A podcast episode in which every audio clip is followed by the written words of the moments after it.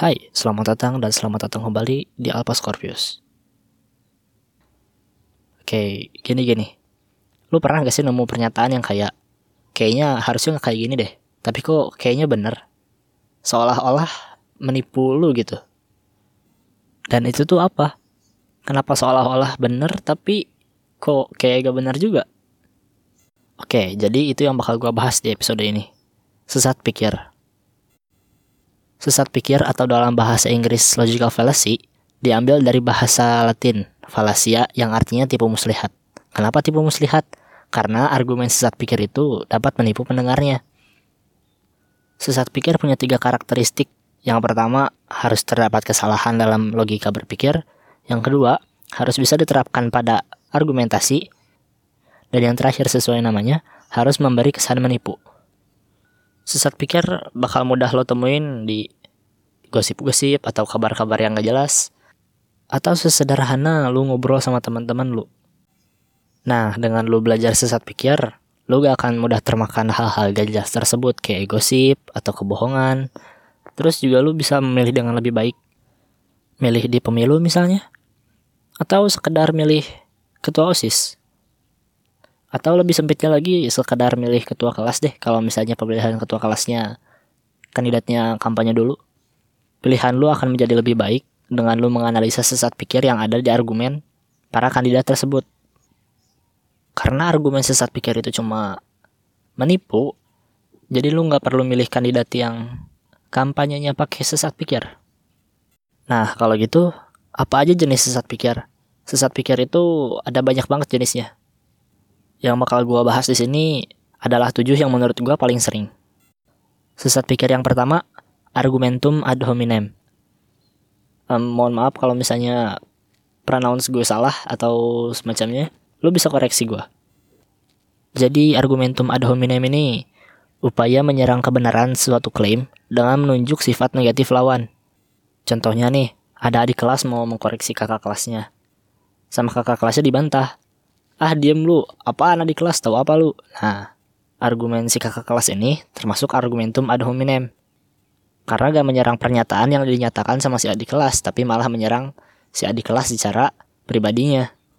Yang kedua dan yang menurut gua cukup banyak yaitu argumentum ad populum.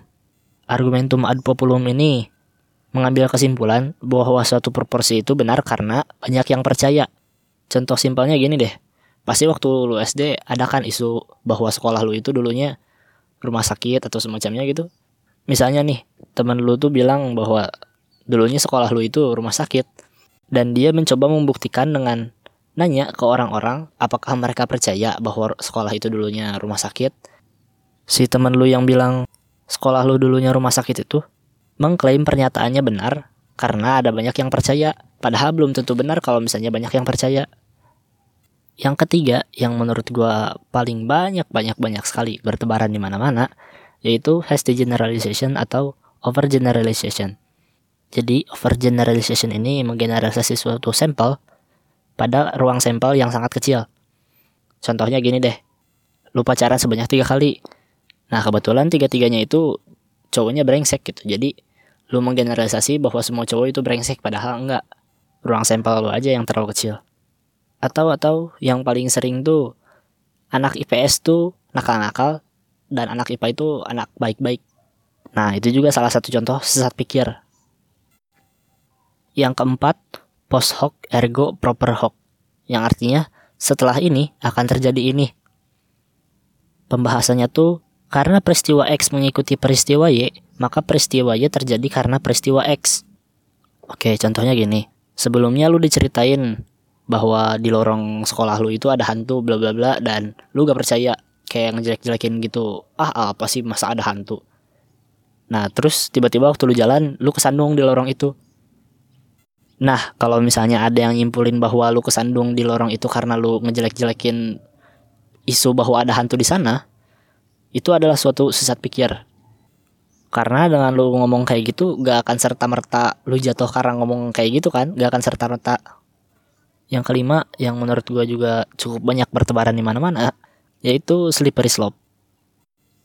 Slippery slope tuh satu langkah kejadian membuat langkah lainnya yang panjang dan efeknya yang signifikan. Lah, gimana? Pasti lu pernah deh ngedengar yang kayak gini.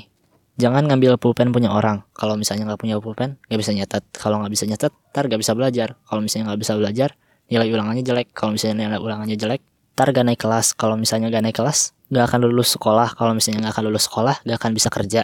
Gak akan bisa kerja, gak akan dapat duit. Nggak dapet duit gak akan bisa makan. Nggak bisa makan tar kelaparan. Kelaparan tar mati. Jadi kalau misalnya lu ngambil pulpen orang itu sama aja kayak lu ngebunuhnya gitu. Padahal nggak kayak gitu. Itu tuh salah satu contoh sesat pikir. Pernyataan tersebut gak logis karena stepnya terlalu banyak terus kesimpulannya terlalu simplistis.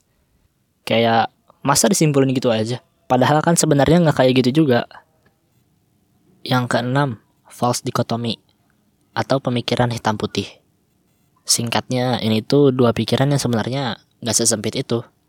Contohnya, ya sering ada sih di sekitar kita. Lu lihat misalnya ada orang yang lagi minta-minta gitu. Terus ada orang yang kelihatannya kayaknya cukup gitu. Tapi gak ngasih sama sekali ke orang yang minta-minta itu. Dan lu langsung bilang bahwa orang itu tuh orang yang gak baik. Padahal sebenarnya gak kayak gitu. Gak sesempit itu melabeli orang baik atau enggak. Gitu kan? Dan yang terakhir, shifting of the burden proof atau menggeser beban pembuktian. Contohnya bisa diambil ketika lu lagi debat atau diskusi atau cuma sekedar ngobrol. Misalnya nih, lu lagi ngobrol sama temen lu yang pendukung bumi datar. Setelah adu argumen cukup lama, lu nanya ke temen lu itu, emangnya apa buktinya bahwa bumi itu datar? Nah, temen lu ini menghindari pertanyaan dengan nanya lagi, lah lu emangnya bisa buktiin bahwa bumi itu bulat? Nah teman lu ini mengalami sesat pikir. Padahal kan dia yang lagi ditanya. Harusnya jawab dong kalau misalnya mampu ngejawab. Tapi kenapa malah nanya balik? Nah gimana? Apa di antara tujuh itu lu pernah nemu salah satunya? Atau mungkin lu pernah nemu semuanya? Atau lu pernah berargumen pakai salah satu di antaranya? Atau lu pernah juga berargumen pakai tujuh-tujuhnya? ya menurut gue kadang orang-orang bisa masuk ke sesat pikir secara gak sengaja sih. Nah terus gimana dong caranya? Biar gak kemakan sama sesat pikir atau gak sengaja ngeluarin argumen sesat pikir. Nah setelah gue muter-muter di internet, sekalian nyari materi ini, gue gak nemu ada artikel yang ngebahas gimana cara menghindari sesat pikir ini. Tapi berargumen itu kalau boleh dianalogikan menurut gue kayak perjalanan kereta dari Jakarta ke Bandung. Kalau misalnya argumennya benar, kereta itu bakal lewat jalur yang seharusnya dia lewatin. Tapi kalau misalnya argumennya gak benar, kereta itu bakal maju, maju ke arah Bandung. Cuma di tengah-tengah jalan bakal keluar rel dan entah lewat mana bisa nyampe Bandung, gitu. Jadi kalau menurut gue, lu berangkat aja dari kenyataan. Jangan tinggalin fakta satupun, walaupun itu berlawanan dengan apa yang mau lu bela. Terus analisis sesuatu yang harusnya nggak kayak gitu. Analisis di mana sih kereta keluar jalur. Nah kalau misalnya udah kayak gitu gak bakal tuh lu ngeluarin argumen yang sesat pikir atau kemakan sama sesat pikir argumen orang. Intinya lu harus fokus mencermati semua kata-kata dalam argumen orang itu atau kata-kata dalam argumen lu supaya gak kena sesat pikir oke gua Zaidan. Seperti biasa sekian. Oh iya lupa. Gue mau ngasih tahu um, segmen baru bakal ada ntar pas malam minggu. Oke? okay?